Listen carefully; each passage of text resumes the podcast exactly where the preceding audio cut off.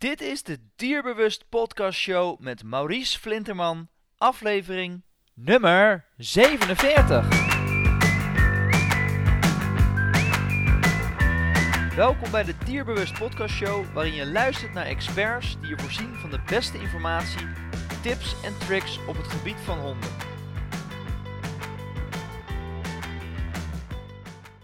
Welkom in de volgende podcast bij Dierbewust. Um, vandaag gaan we wederom in gesprek met Petra Driesen. Welkom Petra, leuk dat je er weer, uh, weer bij bent. Dankjewel. We hebben in het verleden een uh, hele mooie podcast uh, gehouden over onder andere trainingsvrij opvoeden waar jij uh, een voorstander van bent. En daarnaast hebben we het ook gehad over uh, de, uh, vooral de nadelen van castreren en waarom het zo belangrijk is om nou ja, dat in veel gevallen goed over te denken in ieder geval. Dus als mensen ja, in het gesprek denken van hé, hey, is interessant, dan moet je die absoluut gaan luisteren. Um, dat is nummer 17 en nummer 42. Um, maar voor de mensen die jou nog niet kennen, Peter, misschien leuk als jij jezelf eerst even introduceert um, om ja, je even voor te stellen. Ja, dankjewel. Um, nou, ik ben Petra Driesen en ik werk um, al bijna 40 jaar, nou ruim 40 jaar met honden, maar 40 jaar zeg maar professioneel. Dus dat ik daar mijn, mee in mijn levensonderhoud uh, voorzie.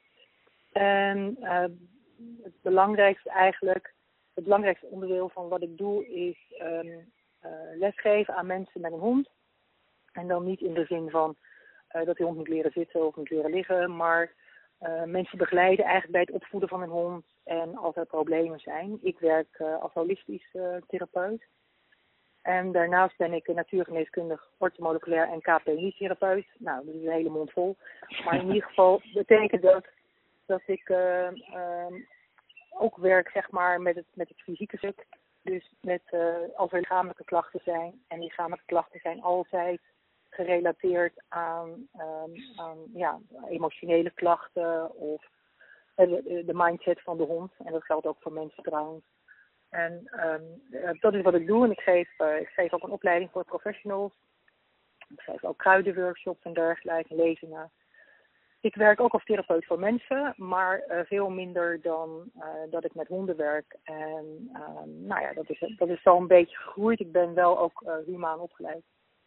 Maar uh, met honden werken heel erg leuk en prettig. En uh, nou ja, dat, dat is waar je hart naar uitgaat natuurlijk. En, dan, uh, en als dan die eigenaar op een gegeven moment ook allerlei fysieke klachten heeft. En, of emotioneel, mentale klachten heeft. En wil dan voor zichzelf ook een afspraak maken. Nou ja, dan is dat hartstikke fijn natuurlijk. Dan kan dat. Dus dat, dat is wat er gebeurt. En daar gaan we het vandaag ook over hebben, Petra, over uh, de darmgezondheid. Want dat is iets uh, wat eigenlijk met betrekking tot mensen een steeds ja, hotter topic wordt, als ik het zo mag zeggen. En inmiddels um, zie je ook dat er een opkomst is bij honden. Dat steeds meer mensen de link gaan leggen van oké, er is eigenlijk veel meer dan iets om mijn hond in gezond te houden, zeg maar, of in gezondheid te houden. En om het immuunsysteem van mijn hond zo goed mogelijk te houden. Um, als het gaat om de darmgezondheid, dan zijn er uh, ja, heel veel verschillende uh, gezondheidsproblemen te linken uh, uiteindelijk aan een darmflora die uit balans is. Um, en ja, veel hondenliefhebbers beseffen zich dat niet. En daarom gaan we er vandaag op inzoomen, omdat het zo belangrijk is om, om daar wat meer ja, over te weten eigenlijk. Um, want wat zie jij in de dagelijkse praktijk uh, voorbij komen als het gaat om darmgezondheid en darmflora die dus uit balans is? Um, ja, wat, wat, voor soort problemen zie jij uh, in de dagelijkse praktijk uh, ontstaan? Nou, dat kunnen zo gezondheidsproblemen zijn, uh, variërend van huidproblemen tot oorproblemen tot ehm, gewrichtsproblemen. nou, noem het maar op. daarnaast ook gedragsproblemen, want uh, er is een, uh, een, een, een, belangrijke relatie um, tussen uh, de darm en het brein. Dat noemen we de hersen-darm af. Daar is een aantal jaar geleden is er humaan ook een, een stichting opgericht die, die, die heet de Hersen-Darmstichting en die doet onderzoek naar bijvoorbeeld kinderen met ADHD en kinderen met een stoornis in het autistisch spectrum en de relatie met de darm. Dus dat betekent wel dat al wat, wat mensen betreft, wat humaan betreft, uh, heel veel aandacht naar uitgaat. Maar bij honden kijken we daar nog niet zo heel erg naar. Dus als het gaat bijvoorbeeld ehm, gedragsproblemen, hè, bijvoorbeeld een hond die agressie vertoont, of een hond die heel angstig is. en het kan, nou, zeg maar in alle variaties daartussen, dus onzeker, een hond die niet alleen thuis kan blijven, dan zou daar wel eens een keer, uh, niet, niet altijd, maar daar zou ook uh, de darm een belangrijke rol in kunnen spelen. En dat kom ik dus heel vaak tegen. En eigenlijk, als het gaat om gezondheidsproblemen, worden alle, bijna alle gezondheidsproblemen worden veroorzaakt door een niet goed functionerende darm. En dan uh, praten we zelfs ook over de hersengerelateerde aandoeningen, um, zoals Alzheimer en Parkinson bij mensen. Dat is, dat is inmiddels, uh, nou ja, dat is inmiddels keiharde wetenschap. Uh, en ook heel erg interessant. Maar bij honden kijken we daar eigenlijk helemaal niet naar. Dus um, kijk, als een hond een aandoening heeft omdat hij aangereden is of een enorme uh, blessure heeft opgelopen door te willen stoeien, dan ga ik niet direct op zoek naar, de naar problemen die in de darm zetelen. Maar stel nou dat diezelfde hond van die botbreuk niet geneest. Dan ga ik wel direct naar de darm kijken dus wat, er, wat de mensen die bij mij komen met een hond, dat, nou ja, zeg maar, de, de problematiek varieert van al jarenlange huidklachten of al jarenlange diarreeklachten of darmklachten, verteringsklachten. Uh, maar ook allerlei uh, ja, mentale en emotionele klachten. En hebben vaak al alles geprobeerd, zijn al bij uh, verschillende dierenartsen geweest en specialisten geweest, of ze zijn al bij verschillende trainers of gedragstherapeuten geweest. En iedere keer verbeteren die honden maar een heel klein beetje en vallen dan ook weer terug. Ja, en die honden komen bij mij en dan gaan we eigenlijk altijd eerst ja, heel uitgebreid onderzoeken waar komt het dan vandaan. Maar de basis is bijna altijd dus een niet goed functionerende darm. En uh, jij noemde in de introductie ook al uh, het immuunsysteem van, uh, van de hond. Nou, we weten dat um, het immuunsysteem wordt um, geïnformeerd door de darm. We, we zeggen ook wel het, het immuunsysteem zetelt in de darm, maar het immuunsysteem wordt geïnformeerd door de darm. En nou ja, wat, mensen kennen misschien de term microbioom wel. Bij microbioom denken we dan aan de darmflora, dus alle, alle bacteriën die in de darm leven. Maar dat microbioom bestaat uit veel meer. Dat microbioom bestaat ook uit virussen. Dat micro, microbioom bestaat ook uit allerlei andere uh, pathogenen, dus uh, stoffen, alleen in hele kleine hoeveelheden. En ook natuurlijk goede uh, bacteriën, schimmels, giften. Allemaal in een bepaalde hoeveelheid en in de juiste, ja, hoe moet ik zeggen, verhouding tot elkaar. Ehm, zorgen zij dus voor een ideale micro, het, ideale microbioom voor die hond of voor die persoon. Want ieders microbioom is uniek. Dus mijn microbioom is totaal anders dan dat van jou. En dat van jou is weer anders dan dat van je ouders. Dus um, dat betekent op het moment dat, dat het immuunsysteem dus in de, in de darm zetelt, als er iets misgaat in de darm, gaat er dus ook iets mis met het immuunsysteem. Nou, we weten bijvoorbeeld ook dat het veelvuldig gebruik van antibiotica uh, kan leiden tot allerlei allergische aandoeningen. Die dan vervolgens ook weer behandeld worden met allerlei soorten medicatie. Waar de darmflora ook weer onder leidt. Het microbiome leidt daar ook onder. En vervolgens kom je in een vicieuze cirkel terecht.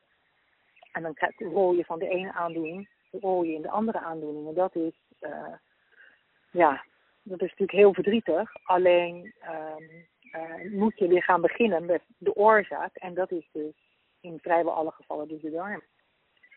Ja, en dan gaat het dus uh, vooral om een, om een stukje bewustzijn, uh, denk ik. Uh, met name bij hondenliefhebbers van oké, okay, wat voer ik mijn hond onder andere? En inderdaad, als ik naar de dierenarts ga en ik krijg medicijnen mee, wat zijn het voor medicijnen? En ja. wat voor invloed heeft het op mijn hond? Want wat heel veel mensen niet weten, is wat, waar, we net, waar jij het net al even over had, is dat 7 tot 80 procent van het immuunsysteem zich eigenlijk bevindt in de darmen. En ja. dat er dus in die darmen, een, zo'n darmflora bestaat uit heel veel goede bacteriën. Uh, die onder andere helpen om het eten te verteren, maar ook voedingsstoffen uit het voedsel op te nemen. Um, en dat soort zaken.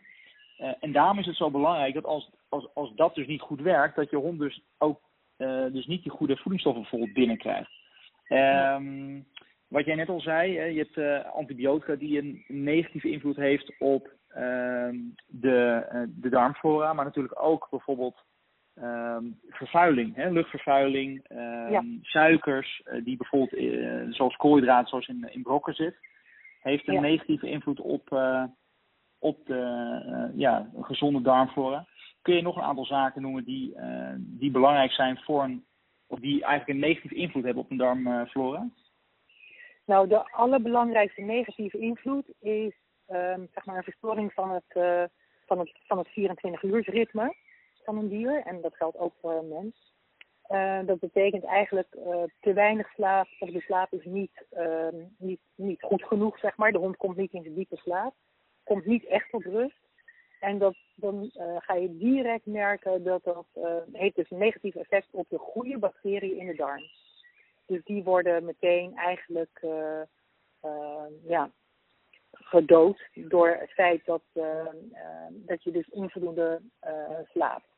Dus de slaap kan, je kan te weinig slapen, maar de slaap kan ook zeg maar onvoldoende van kwaliteit zijn. Nou, en daarnaast alles wat met stress te maken heeft. Jij noemde al alle toxische stoffen die in het, in het milieu zitten. Maar dat zijn niet alleen de toxische stoffen die in het milieu zitten, maar bijvoorbeeld ook gewoon alle schoonmaakmiddelen waarmee je je huis schoonmaakt. En voor mensen geldt bijvoorbeeld alcohol doodt ook je goede darmflora. Want alcohol gebruik je om je uh, om bacteriën te doden. Dus in, in, uh, als je een wondje hebt en je maakt het schoon met iets waar alcohol in zit, of jodium in zit, dan doodt dat dus de bacteriën. Nou, en zoals nu met, uh, met, de, met, de, met de coronacrisis, is iedereen eh, massaal bezig zeg maar, uh, zijn handen te ontsmetten. Ieder winkelwagentje wat we aanraken is ontsmet met, met dat ontsmettingsmiddel. En dat heeft een desastreus effect op onze, op onze darmflora. En op dat van onze dieren. Want vervolgens met, die, met diezelfde handen, waar dat ontsmettingsmiddel aan zit, raken we ons dier weer aan. En daar staat niemand bij stil. Er komen nu, uh, er komen nu de eerste uh, ja, publicaties komen erover. Overigens over dat soort desinfectatiemiddelen uh, zijn er al uh, verschillende publicaties. Als je kijkt op, op PubMed, dat is een, een, ehm, een website zeg maar, waar wetenschappelijke uh, publicaties staan. En als je daar zoekt, is het wel Engelstalig, maar als je daar zoekt naar bijvoorbeeld ontsmettingsmiddelen, dan weten we bijvoorbeeld dat het kan leiden tot alveolklierkanker. Uh, en dat heeft dus te maken in eerste instantie met het verwoesten van je darmflora. En um, wat belangrijk is om te weten is dat niet alleen die darmen een, een, een, een flora hebben, een, een microbioom hebben, maar je mond heeft ook een flora en de oren hebben ook een flora. En um, de, de vagina bij een hond heeft ook een flora. En de huid het grootste orgaan heeft ook een flora. Dus een hond bijvoorbeeld veelvuldig wassen met shampoo. Wat natuurlijk bij honden gebeurt die uh, regelmatig naar de trimmer moeten om uh, getrimd te worden. Uh, de, de flora van de huid, de huidflora. En als een hond dan voldoende in contact komt met um, nou ja, andere bacteriën, zeg maar buiten, dus als die lekker in de modder rolt en dergelijke, dan, dan, dan kan die huid zich weer herstellen. Of die, het microbiome van die huid kan zich weer herstellen. Maar ja, als je dus in een schone omgeving leeft, of in een omgeving waar te veel uh, slechte bacteriën zijn of gifstoffen zijn, dan kan dat niet meer aangevuld worden.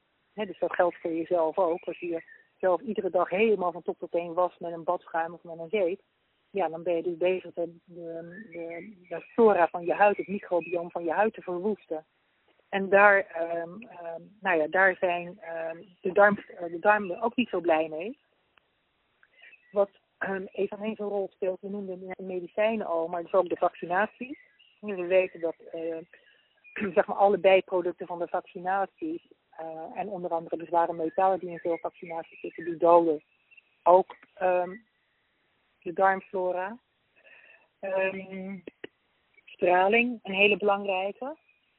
Dus alle vormen van stralingen, variërend van de magnetron tot je, tot je smartphone, um, je laptopgebruik, uh, de 5G-masten die nu overal uh, meer gepoot worden in Nederland.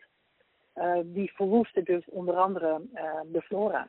En dat, daar is bijna niet meer tegen op te boksen, zeg maar, door probiotica te nemen. Probiotica is trouwens ook niet altijd de oplossing. En dat, um, ja, daar wordt eigenlijk, humaan komt daar nu aandacht voor. Maar wat, wat betreft onze dieren wordt daar eigenlijk helemaal niet naar gekeken. En, ja, dat is wel belangrijk dat is om, groot mis. Ja. om uh, te vermelden dat uh, niet alleen uh, vaccinatie, maar natuurlijk ook ontwormingsmiddelen en ja. antitekenmiddelen, bijvoorbeeld de chemische middelen die in het lichaam ja. van de hond worden gestopt. En dan is er vooral natuurlijk bij teken bijvoorbeeld het idee van oké, okay, op het moment dat ik er chemische middelen in stop, dan zit er een klein stukje chemische stof in de hond, in de bloedbaan van de hond. En als die teken dus zuigt uit de bloedbaan van de hond, in je aanraking komt met het bloed, dan sterft de teek dus. En de vraag is natuurlijk, ja, dat is dus uh, wat, jou, wat jou betreft uh, dus niet bevorderlijk voor uh, de darmflora sowieso niet. als nou ja, per definitie natuurlijk niet, omdat je een toxische stof in je dier brengt waar een ander diertje, in dit geval een heel klein diertje, aan dood gaat. Maar het betekent, het betekent wel dat je die toxische stof dus in je dier hebt gebracht. Um, ik weet nog, dat is lang geleden. Ik heb, ik heb heel vroeger uh, um, ook op kleine schaal honden maar ook op kleine schaal kat gevolgd. En we hebben toen een tijdje um, uh, wat onderzoek naar vlooienmiddelen gedaan. En uh, toen bleek dus dat een bepaalde stof die in vlooienmiddelen zat, die bij katten gebruikt werden, leidde bij, bij de, in ieder geval bij de katten waar ik mee fokte, tot onvruchtbaarheid. Het ras waar ik mee fokte. Dus wat er gebeurde was dat uh, uh, zeg maar een poes werd wel gedekt, maar raakte dus niet vangen. En daar hebben we dus uh, toen kleinschalig, zeg maar binnen die vereniging is daar wat, onderzoek naar gedaan. En, um, en dat is uiteraard ook natuurlijk gewoon verder, verder doorgezet naar, naar de universiteit. Dat, dat is die, ehm, die stof die in, in, in dat vlooienmiddel zat, dus leidt tot onvruchtbaarheid. En dat is dus niet zo heel erg raar. Uh, want dat is wat je doet met een, met een uh, vlooienbestrijdingsmiddel of iets dergelijks. Of je verlamt het dier, waardoor die dus uh, dood van jouw hond of kat afvalt. Of je maakt het dier onvruchtbaar, waardoor die vlo geen eitjes meer kan leggen. Ja, en met beide heb je dus ook invloed op um, en de voortplanting en de darm van je eigen dier.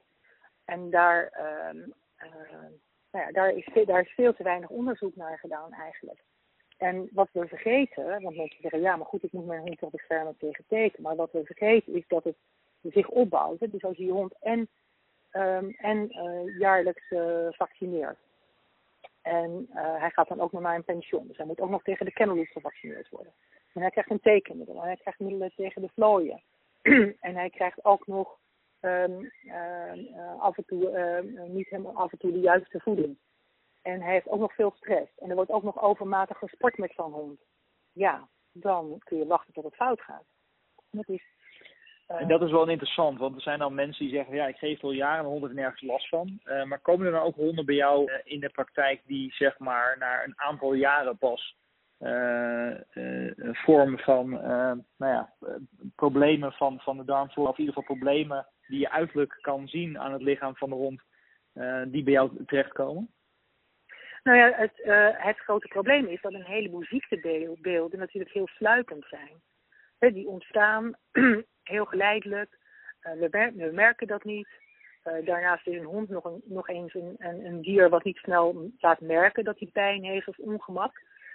Dus anders dan, dan wij. Wij kunnen zeggen van, goh, ik voel me helemaal niet lekker nadat ik dit gegeten heb. Of nadat ik die medicijnen heb gebruikt of wat dan ook. Maar een hond kan dat ons niet vertellen. We moeten dat zien aan dat dier. En als dat dier dat heel kundig uh, verbergt, dan, uh, ja, dan, dan, merken wij dat niet. als je, als je een, een, een ziekte neemt zoals kanker in al zijn verschijningsvormen, op het moment dat kanker ge, geconstateerd wordt, heb je al heel lang kanker.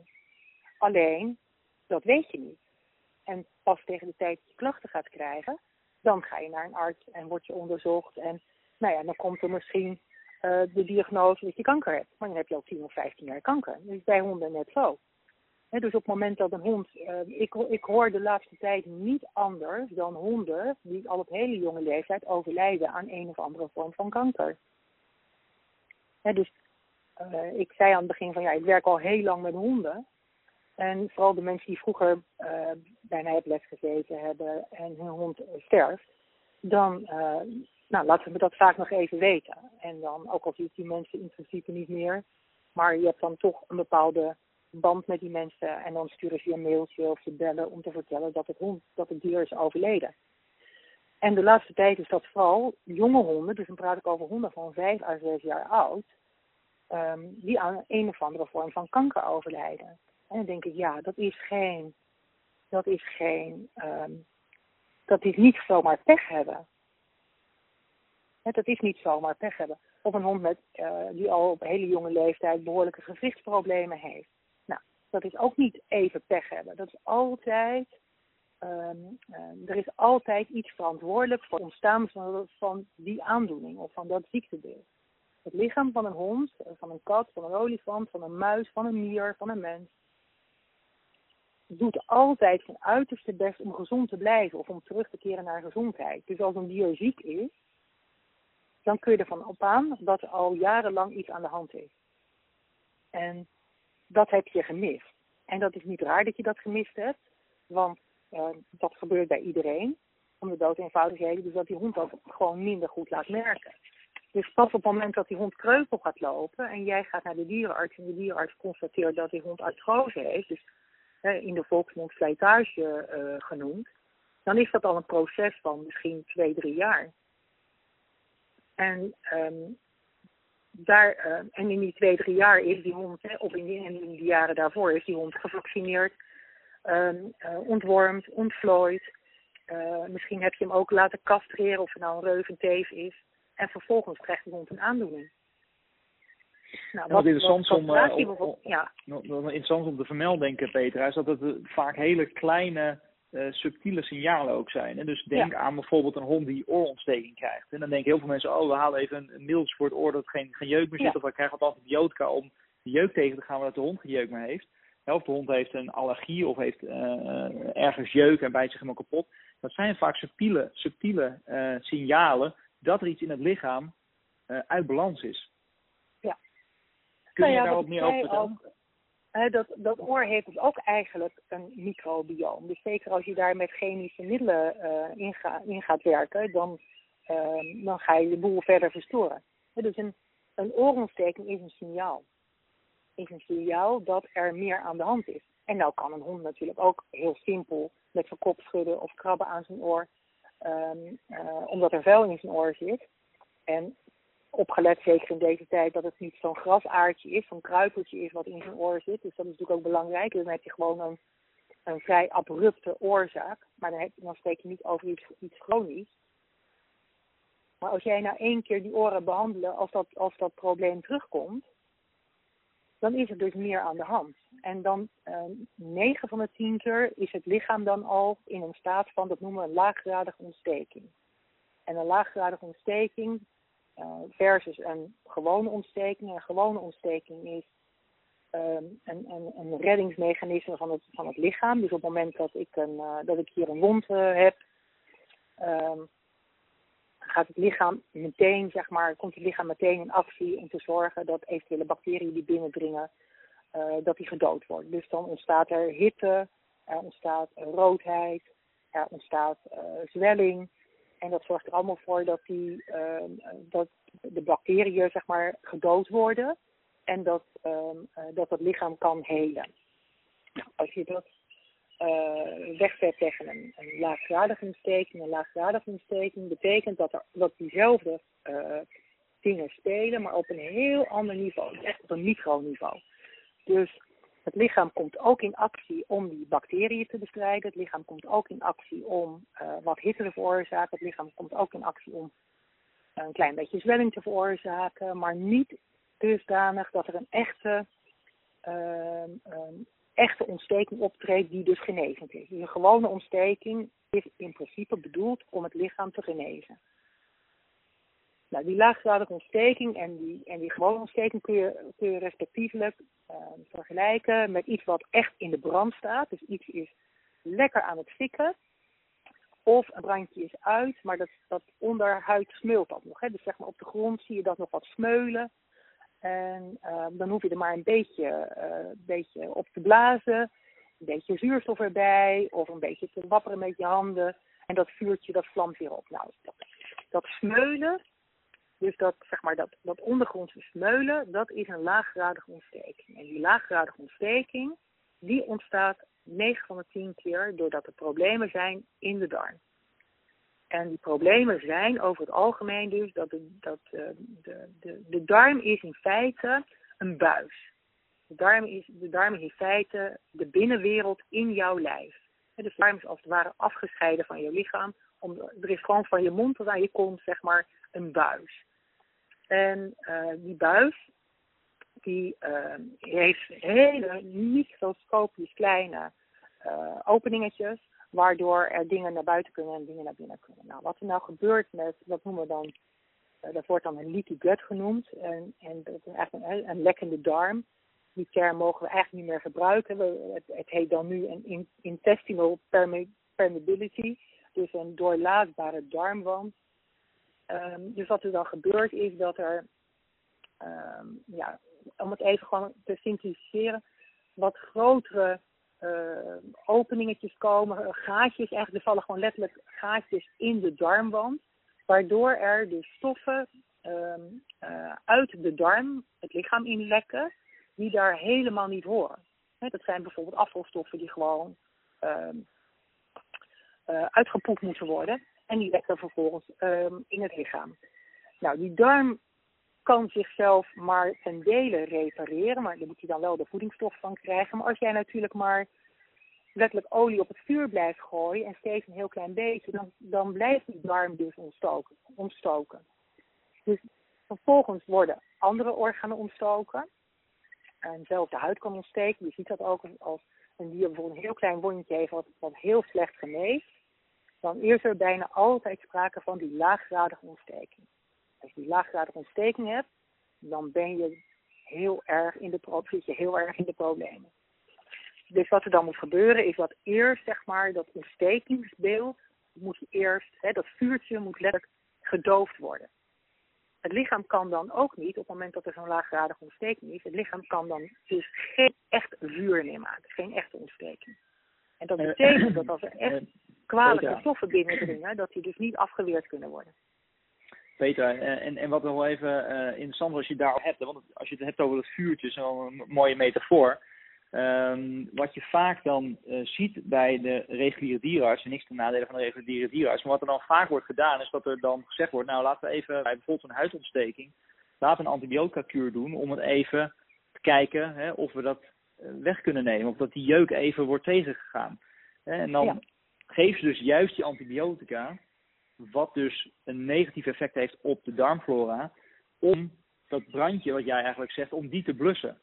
En de vraag is, ben je die brand aan het blussen of ben je, hè, wat zoals ik het wel zeg, je, je drukt eigenlijk een bal onder water, uh, steeds dieper onder water, maar uiteindelijk wil die bal naar boven komen. Die komt naar het oppervlak. Dus je kunt hem heel lang onderdrukken. En dat kun je dus doen met middelen zoals antibiotica en andere uh, uh, nou ja, medicijnen. Maar de vraag is, help je je hond er uiteindelijk over de lange termijn mee. Omdat je dus ook, uh, wat jij eigenlijk zegt, het vuurtje meer aanwakkert misschien.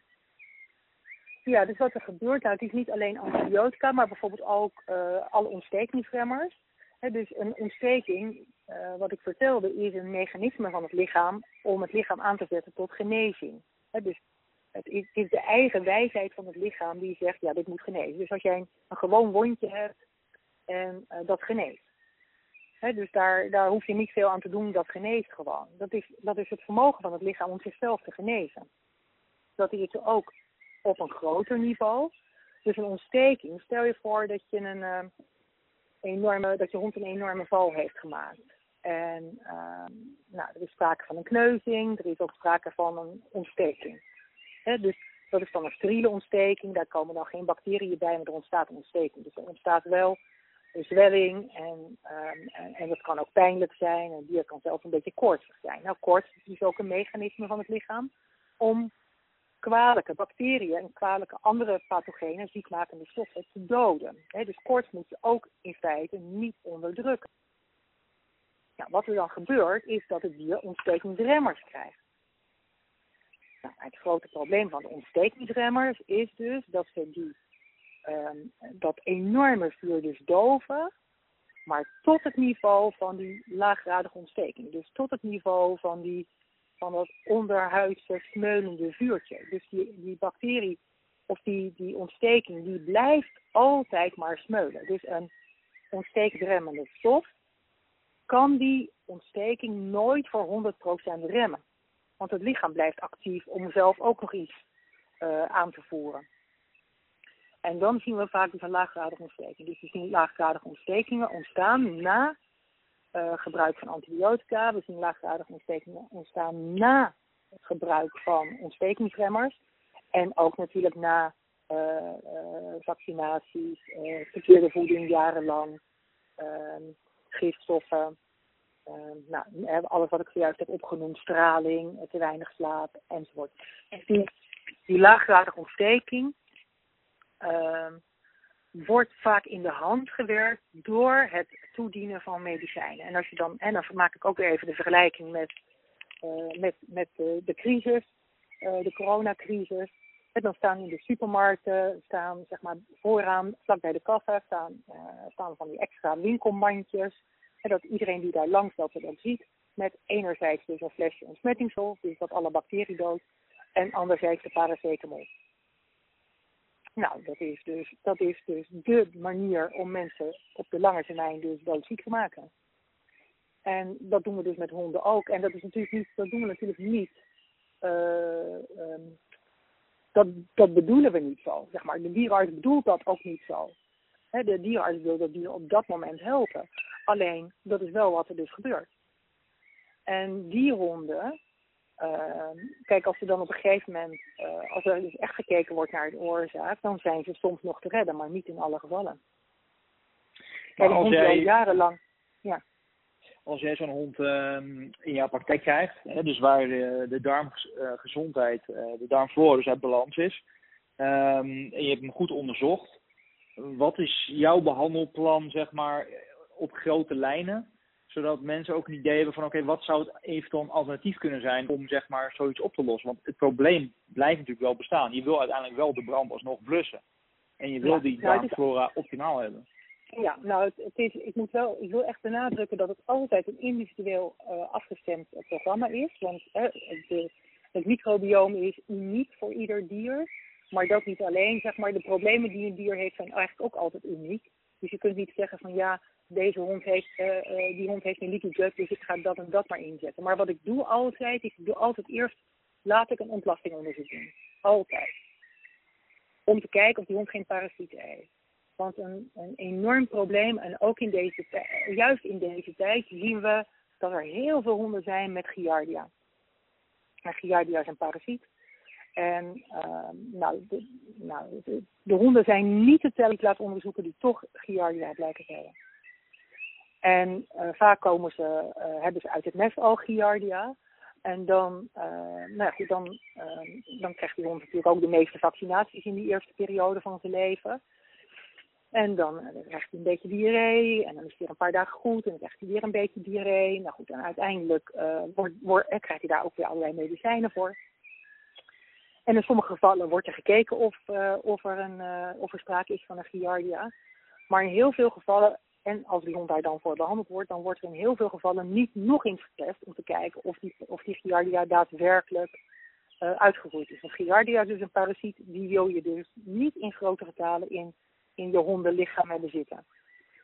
Um, en die, die follow-up screening, zeg maar, die gebeurt veel te weinig. Dus wat gebeurt, is dat die hond uh, wel behandeld wordt tegen Giardia. En dat gebeurt vrijwel altijd ook met een antibiotica maar dat er geen uh, vervolgonderzoek uh, plaatsvindt. Dus dan blijft er wat, nou ja, dan, dan, dan blijft er wat Giardia zeg maar achter in het hondenlijf. Nou, dat, dat Giardia parasietje gaat zich ook weer vermenigvuldigen.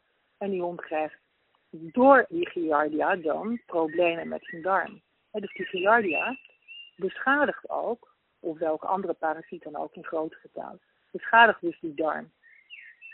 Nou wil ik dat natuurlijk niet zeker, maar als iemand dus bij mij komt met een hond met, uh, problemen, als het, ook als het gaat om gedragsproblemen, dan ga ik eerst, laat ik eerst een onderzoek doen om te kijken of er geen parasieten zijn. En inclusief Giardia. Nou, en dan vervolgens moet er altijd gekeken worden van hoe is het slaappatroon van de hond. ehm, wat voor voeding krijgt de hond. Als er flink gesport wordt met een hond, moeten we daar altijd mee stoppen. Want eigenlijk kan alleen een echt gezonde hond sporten. En met sporten bedoel ik behendigheid of frisbee of nou, noem alle hondensporten maar op die er. De enige hondensport die eigenlijk iedere hond kan doen, is speuren, omdat hij daarmee uh, volledig in zijn eigen tempo loopt en zichzelf niet kan overbelasten. Maar bijna alle sporten, en dat geldt ook voor mensen trouwens, zijn een enorme belasting voor de darm, omdat het, um, omdat het stress is voor het lichaam. Dus mensen moeten dan stoppen met sporten. Um, ze moeten ook stoppen met alle tussendoortjes die ze zo'n hond geven, omdat uh, dat we zeker willen weten uh, wat is de boosdoener en wat, wat, wat is nou hetgeen dat, dat um, die, zeg maar die, die, die niet alleen die leaky gut heeft veroorzaakt, maar wat er ook voor zorgt dat die laaggradige ontsteking maar blijft bestaan. Dat betekent um, uh, ontstekingsarm eten. Nou, bij een hond die brokken eet betekent dat per definitie al dat hij dus niet meer op de brokken mag. En als mensen zeggen, ja, maar ik wil mijn hond toch brokken blijven voeren, nou ja, dan, kan, dan wordt het probleem dus niet opgelost. Ten eerste is een vetmeelrijke voeding is een voedingsbron voor parasieten. En ten tweede is het ontstekingsverhogend voedsel. Dat geldt voor mensen idem dito. Um, de koolhydraten uit zetmelen zijn ontstekingsbevorderend. Nou, daarnaast kijk ik dan uh, naar dingen als straling. Ik kijk naar alle bestrijdingsmiddelen. Hoe vaak is die hond gevaccineerd? Welke medicijnen heeft, gehad, heeft hij gehad? Als er een langdurige geschiedenis is, dan doe ik ook eigenlijk altijd een bloedonderzoek doen. En uh, kijken we niet alleen naar bijvoorbeeld lever- en nierwaardes, maar kijk ik ook naar hoe zit het met de vitamine B12, hoe zit het met de vitamine B6, hoe zit het met de vitamine K, hoe zit het met de vitamine D. Want dat zijn vitamines die in de darm worden aangemaakt. En vitamine B12 wordt in de maag aangemaakt. Uh, maar als er darmproblemen zijn, hebben we altijd te maken ook met maagzuurproblemen. En dan hebben we altijd te maken met, uh, met een enorm probleem dat B12, vitamine B12, dus onvoldoende aangemaakt wordt. En dan, dat kan zelfs leiden tot overlevingsproblemen, nou noem maar op.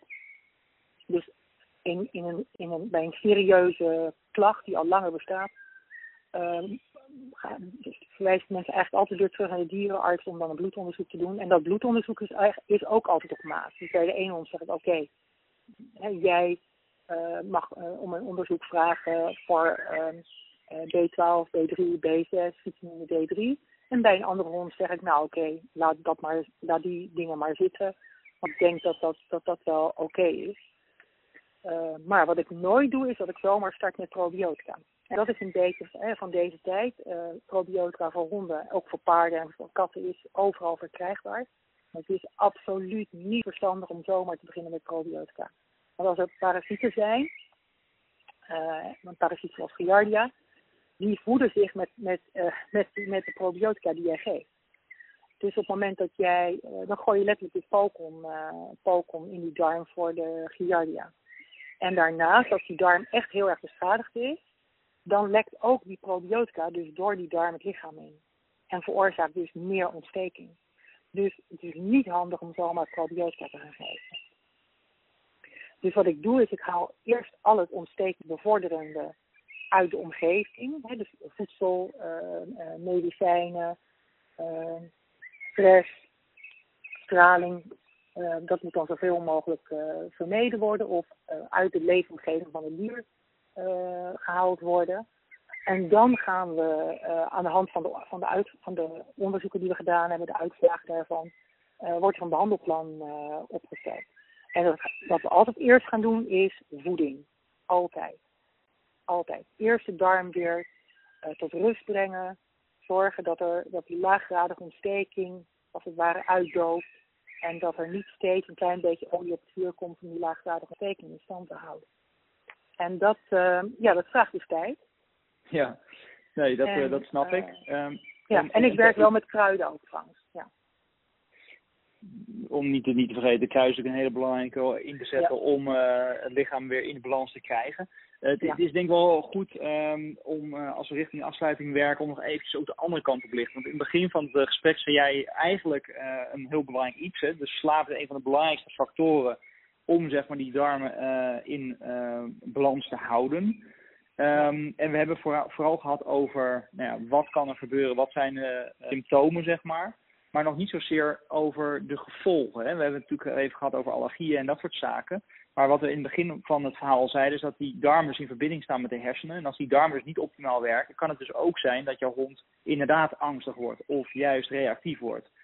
Um, vrij recent is ook weer een onderzoek naar buiten gekomen waarin een hond van 7 jaar um, inderdaad onderliggend zijn darmen niet in orde waren, waardoor die dus door een andere voeding te krijgen uh, ook binnen drie weken uh, de reactiviteit uh, verloor, zeg maar. Ja. Dus dat was een hele mooie ontwikkeling. Um, kun je daar wat meer over vertellen? Want ik zie ook best wel regelmatig zie je honden bijvoorbeeld vanuit het buitenland komen. Uh, maar ook honden die in Nederland uh, ja, toch uh, angstig zijn of, of juist heel reactief zijn de andere kant op. hoe ja. vaak is dat volgens jou een connectie met, betreft, met betrekking tot de darmflora die uit balans is? Altijd, 100% Een hond die niet kan herstellen, dan, dan hebben we eigenlijk altijd te maken met darmproblematiek. En ik ben ook blij dat je dit noemt nog, want wat er gebeurt is dat in het darm, uh, darm worden voor een heel groot gedeelte de zogenaamde neurotransmitters aangemaakt. En neurotransmitters zijn, als je het gewoon vrij vertaalt, hersenboodschapperstofjes. En we denken altijd dat die in de hersenen worden aangemaakt en dat die in de hersenen worden gebruikt. Maar die worden uh, voor een groot gedeelte dus in de darm aangemaakt. Ze worden ook in de hersenen aangemaakt, ze worden ook op andere plaatsen in het lichaam aangemaakt. Maar voor het allergrootste gedeelte in de darm. En die hersenboodschapperstofjes, een van die stofjes bijvoorbeeld, noem maar de serotonine, um, heeft trouwens ook uh, alles te maken met in een goede slaap terechtkomen. Um, wordt dus in de darm, voor het grootste gedeelte in de darm aangemaakt. En op het moment dat die darm niet goed werkt, uh, heb je dus ook onvoldoende serotonine. En dat kan leiden tot somberheid, dat kan leiden tot depressiviteit, dat kan leiden tot onzekerheid, dat kan leiden tot angsten. Als serotonine veel te laag is, leidt dat tot agressie. Dus je krijgt een korter lontje op het moment dat je veel te laag in je serotonine zit. Nou, wat we doen, als we bijvoorbeeld een hond castreren, dus, uh, of uh, een, een steriliseren, wat ook een castratie is, dan wordt al een heel groot gedeelte van dat, uh, van dat uh, serotonine wordt teruggedrongen, omdat dat gelijk opgaat zeg maar, met een aantal uh, hormonen, mannelijke en vrouwelijke hormonen. Um, dus op het moment dat je een hond castreert, ben je eigenlijk al bezig, zeg maar, die stofjes um, ja, naar beneden te brengen. Hè? Dus in, in, in, in hoeveelheden. Op het moment dat, uh, dat de darm niet goed werkt, dan kunnen ze dus ook niet um, uh, kwalitatief uh, goed meer worden ontwikkeld. Dus het probleem met een niet goed werkende darm is dat die hond ook gedragsproblemen krijgt. En een gedragsprobleem wordt natuurlijk niet altijd als zodanig als een gedragsprobleem gezien.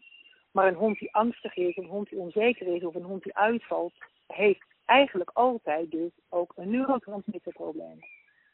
En dus een darmprobleem. Nou, en als, het dan, als we dat ook bijvoorbeeld weer eventjes terugkoppelen naar, uh, naar vaccinaties, en met name de zware metalen die in veel vaccinaties zitten, die hebben dus een heel negatief effect op diezelfde neurotransmitters. Dus op de darm en op die neurotransmitters. En die neurotransmitters, die moeten dus in balans zijn. Er moeten dus genoeg van die neurotransmitters zijn. En ze moeten kwalitatief goed zijn. Dus uh, je kunt genoeg uh, uh, planten in je tuin hebben, maar als ze allemaal staan te verpieteren, als ze allemaal staan te verwelken, ja, dan is je tuin geen florerende tuin. Nou, dat geldt dus ook voor je darmen. Op het moment dat je wel voldoende serotonine hebt, maar die serotonine is, niet, is kwalitatief niet oké, dan, dan heb je daar dus niet zoveel aan. Nou, en een hond die dus niet kan herstellen van die angst, um, die heeft over het algemeen dus ook een darmprobleem. En daar in de hele gedragstherapie kijken we daar dus niet naar. En sterker nog, wat we doen, en ik vind dat een enorme misvatting, dat gebeurt bij mensen natuurlijk ook al jaren, is dat er nu, er is een tendens om honden die allerlei uh, heftige gedragsproblemen hebben, zoals heftige agressie of uh, echt serieuze angstproblemen hebben, om die op allerlei uh, gedragsmedicatie te zetten. Hè. Dus zeg maar even de antidepressieve, maar ook de bloeddrukremmers en dergelijke. Maar die hebben dus weer een, een, een, een enorm negatief effect op de eigen neurotransmitters en op de darm. Ja, dus een cirkel eigenlijk rond. Ja. ja, je maakt hem dus steeds, eigenlijk maakt hem steeds slechter. Dus het is net als met een, met, in feite met een paracetamolje. Uh, hey, je hebt hoofdpijn, je neemt paracetamolletje, je voelt je even beter. Alleen je hebt het probleem niet opgelost. En dat blijft bestaan, dat blijft onderhuid, blijft dat doorwoekeren. En dat geldt ook voor die hond met die angsten die op, um, op allerlei uh, antidepressiva worden gezet. En dat zijn dan vaak um, uh, middelen die ervoor zorgen dat, dat de serotonine beter opgenomen, beter beschikbaar blijft. Maar dat betekent niet dat het probleem opgelost is. Um, hè, dus, en als het om de darm gaat, dus dat er aan die darm gewerkt is, waardoor het dier weer gewoon zijn eigen serotonine kan aanmaken. Nou, serotonine is niet de enige.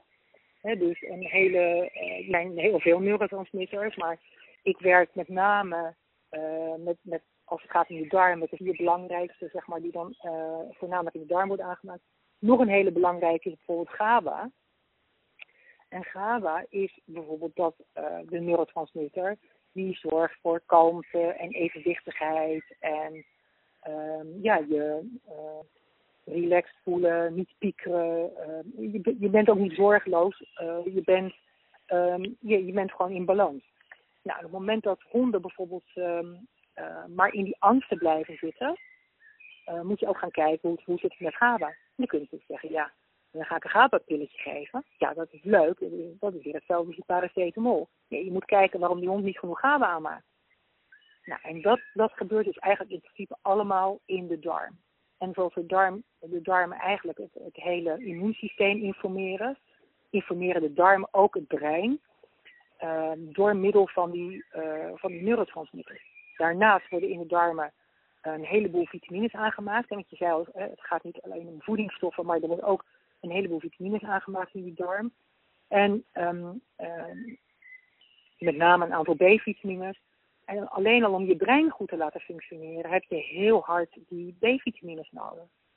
En dan hebben we het nog niet eens over vitamine D, waar een heleboel honden veel te laag in zitten. En ik denk dat het heel, heel slim zou zijn als alle mensen die um, corona hebben gekregen of corona zijn overleden hadden getest op vitamine D. In plaats van dat we een coronatest hadden gedaan.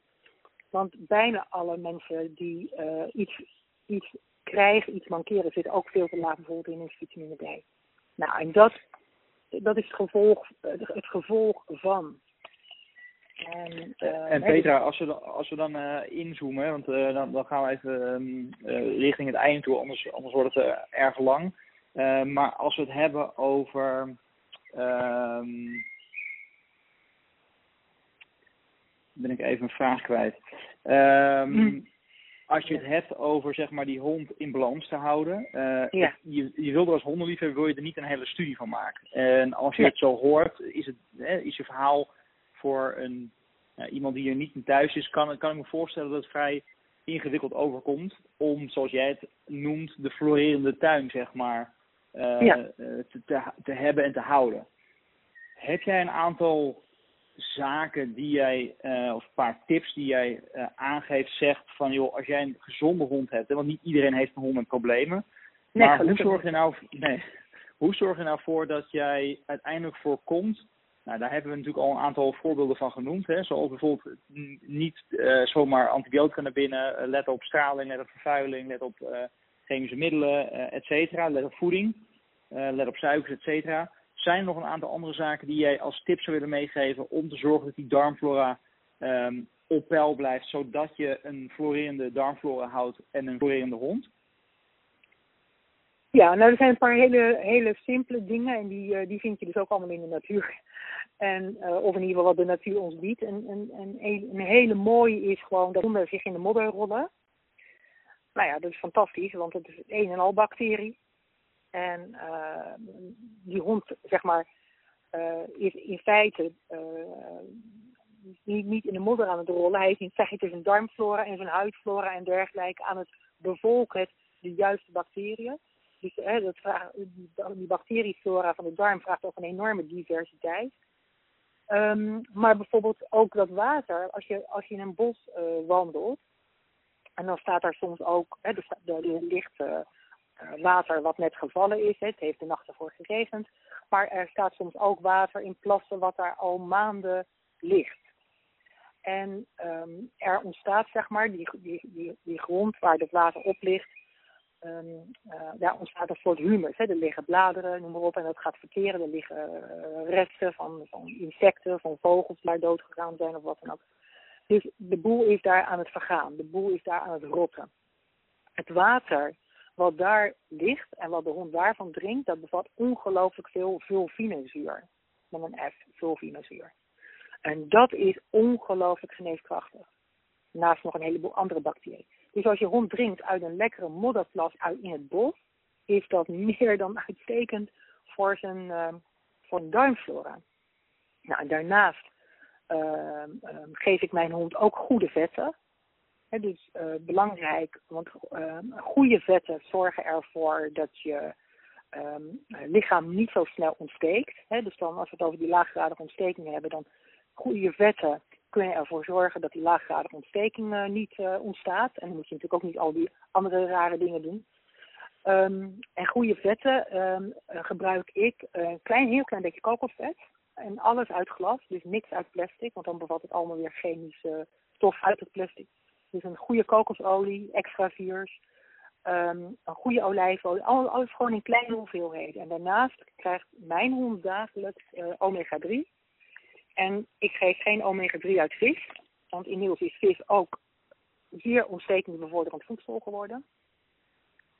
Uh, omdat vis ontzettend vervuild, vervuild, is en vol zit ook met uh, microplastics. Maar ik geef algeolie. En dan gewoon uit een capsule. En die algen die, uh, die worden in scholenbassins gekweekt. En, dat, en die algeolie moet dan zowel DHA als EPA bevatten, de twee stofjes zeg maar, waar omega-3 aan moet voldoen. Dus dat is goed om te geven. Dus ik geef primair bij het eten van de hond krijgt hij mij eigenlijk altijd ook uh, omega-3 in de vorm van algeolie. Krijgt ook iedere dag een klein beetje uh, olijfolie of een beetje kokosvet. En daarnaast um, uh, niet alleen gepureerde rauwe groenten en wat kruiden. En kruiden geef je niet te lang achter elkaar hetzelfde, dus daar moet je wel mee afwisselen. Maar peterselie is bijvoorbeeld een fantastische, ook voor de darm. En uh, daarnaast een keer of twee, drie per week ook uh, bijvoorbeeld echt verse pens geven. Want die verse pens zit helemaal vol met de juiste bacteriën voor je hond. En verse pens ja. is, uh, de meeste mensen vinden dat natuurlijk vies. En wat wij kopen in pakjes en zakjes is gespoelde pens. Dus daar is die hele, kijk die, die, hè, die pens, zeg maar, dat heeft nog de hele um, inhoud zeg maar, van wat dat dier gegeten heeft. En we een schaap nemen. En dat voedsel is ons wordt voorverteerd. En dat is echt gefermenteerd uh, voedsel. En ja, het zou geweldig zijn als je hond ook uh, twee, drie keer per week gewoon echt verse pens kon eten. En ik heb dan, de, ik bof dan dat ik hier verderop zit een, een biologische schapenboerderij. En als daar geslacht wordt, dan, dan koop ik dus alle, ver, alle vers, vers geslachte uh, printen op. En, uh, en die gaan dan natuurlijk hier de vriezer in. En, uh, en die worden twee, drie keer per week krijgen ze dus verse pens. En, ik wil dat zeggen, want verse pens is uh, niet makkelijk om te krijgen inderdaad. Is natuurlijk categorie nee, 3 en er zijn weinig uh, slagers die ja. in Nederland nog uh, zelf slachten. Ja, je moet eigenlijk gewoon zelf, uh, zelf ja, zeg maar de boeren op letterlijk. Ja. En er zijn natuurlijk wel een, en zeker biologische boerderijen, die hebben vaak minder minder vee en die hebben vaak gewoon een kleine slachterij. En, um, maar het is, het, is, het is moeilijk aan te komen. Het, het voordeel is wel weer, het is super goedkoop.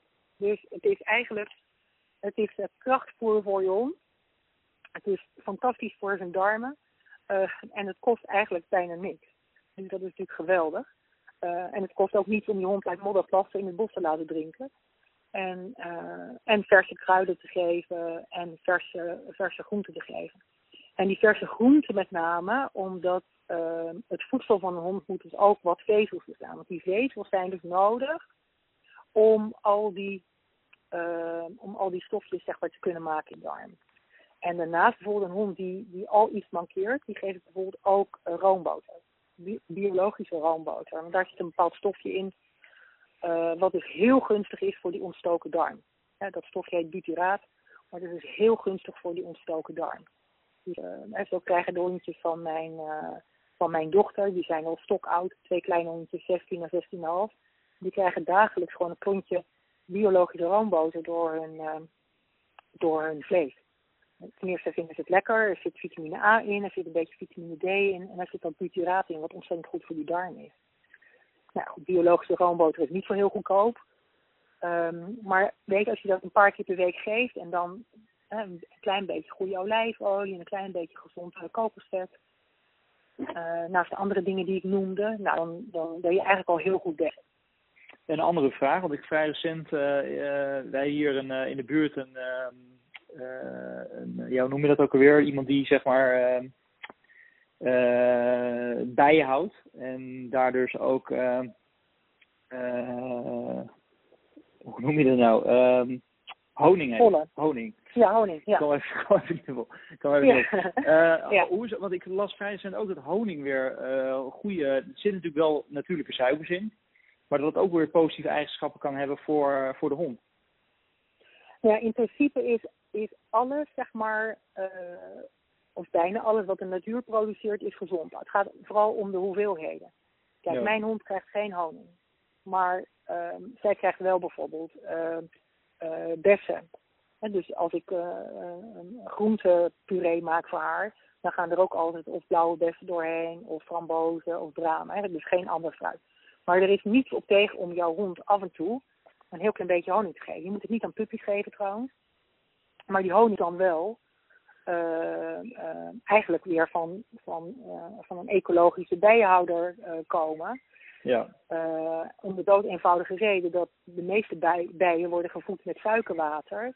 Maar ja, dan is de honing natuurlijk kwalitatief net zo um, minder waardig als het suikerwater wat die bijen te eten krijgen.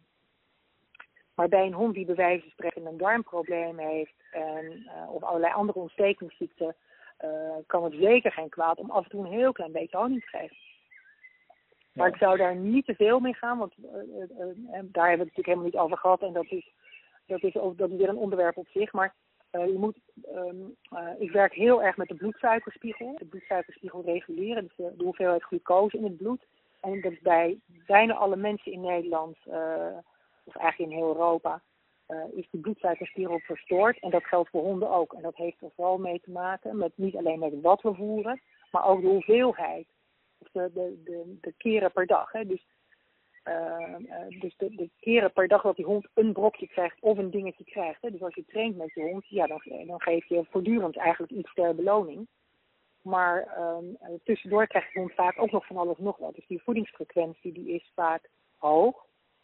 En daarmee uh, wordt vaak een instabiele bloedsuikerspiegel in de hand gewerkt. En die instabiele bloedsuikerspiegel is dus ook weer een enorme bron van ontsteking. Dus de, uh, en honing heeft, heeft een direct effect op je bloedsuikerspiegel. Dus als het al een hond is die bij wijze van spreken problemen heeft met zijn bloedsuikerspiegel, dan zou ik dus eerst zeggen van we gaan eerst die bloedsuikerspiegel reguleren door de maaltijdfrequenties naar beneden te brengen en en um, nou het dieet volledig aan te passen. Uh, en dan zou, ik, dan zou ik rustig ook wat honing geven. Maar op het moment dat de hond al een instabiele bloedsuikerspiegel heeft. En of uh, meerdere uh, eet, eet, eetmomenten per dag heeft. Dus meerdere frequenties per dag, een hoge frequentie. Dan geef ik liever, liever geen honing. Want dan is er zo'n direct effect op de bloedsuikerspiegel. Dat, ehm, ja, dat is, dan is dat niet heel erg verstandig. Goed, een gewone goede honing, en zeker bij een gezonde hond. Um, nou, als jij gewoon een goede pot honing hebt staan, nou geef je hond maar gerust twee keer per week een lekker een beetje honing. Die is super gezond. Ja, nou ja, hartstikke goed uh, Petra. Bedankt voor, uh, voor alle uh, mooie tips. Um, ik denk dat het nou ja, in ieder geval qua darmgezondheid hopelijk wat nieuwe insights gaat geven aan de hondenliefhebbers die deze podcast beluisteren. En ik hoop ook op het moment dat er dus een hond uh, ja, symptomen laat zien van, uh, ja, waarin je denkt van hé, heeft een ontsteking of hij heeft inderdaad een allergie of iets dergelijks. Ja, misschien is iets uit balans. Ik denk dat het uh, veel stof heeft gegeven tot nadenken. En dan hoop ik ook de andere kant, de tips en tricks die je kan gebruiken elke dag, elke week, om je hond dus sowieso in balans te houden. Dat is natuurlijk ook een belangrijke. Graag gedaan, Maurice. En op mijn Facebookpagina post ik regelmatig um, nou ja, korte wetenswaardigheden over een kruid of over, over een voedingsmiddel. Uh, naast alle andere dingen die ik daarop, die ik daarop post natuurlijk. Maar ik vind het ook fijn om mensen uh, zeg maar op weg te helpen met dit soort dingen. Dus uh, daarom, daarom post ik ook iedere week of twee keer in de week wel iets. Hè, zoals bijvoorbeeld het, het item roomboten, dat heb ik een paar jaar geleden gepost. Nou, dat heeft geloof ik 4000, uh, 4000 hits opgeleverd. Uh, omdat mensen niet weten dat ze dat bijvoorbeeld aan hun hond mogen geven. Goed, dat, uh, nou ja, dat, ik vind dat leuk om, uh, om dat ook op die manier te delen en mensen daarmee op weg te helpen. Hè, want het, het, het, is allemaal niet zo heel erg ingewikkeld. Alleen op het moment dat je hond al iets mankeert, of dat nou een gedragsprobleem is of een gezondheidsprobleem, ja, dan, dan kan het wel ingewikkeld worden. En moet je, uh, moet je dus ook te raden bij iemand die, die verstand van zaken heeft. Uh, maar als je hond nog lekker gewoon hartstikke fit en gezond is, ja, dan is het natuurlijk ook belangrijk dat je hem, dat je hem fit en gezond kunt houden. Ja, precies. En dat hij lekker stokoud wordt, ja. Dat is uiteindelijk het doel van elke hondenliefhebber, om de hond zo lang mogelijk gezond en wel bij te houden. Ja, ja dat willen we allemaal, ja. Dat een, een, een blije hond is een blije eigenaar, dus... ja, inderdaad. Hartstikke goed, Peter. Nou, hartstikke bedankt voor je toevoegingen en uh, hopelijk uh, tot in de volgende podcast uh, wederom. Graag, graag gedaan, Maurice. Tot de volgende keer. Bedankt weer voor het luisteren naar onze podcast met Petra Driesen. Wil je meer weten over Petra Driesen? Ga dan naar onze website dierbewust.nl slash 47. Daar vind je meer informatie over Petra en onze vorige podcast die we in het verleden met haar hebben opgenomen. Wil jij nou meer van dit soort interessante onderwerpen beluisteren in de toekomst? Zorg dan dat je lid wordt van Dierbewust en ondersteun ons platform zodat we interviews kunnen maken met experts en specialisten over specifieke onderwerpen bij honden. Ga naar dierbewust.nl en word lid en zorg dat je in onze community alles te weten komt over wat het beste is voor jouw viervoeter. Ga naar dierbewust.nl en natuurlijk tot de volgende podcast.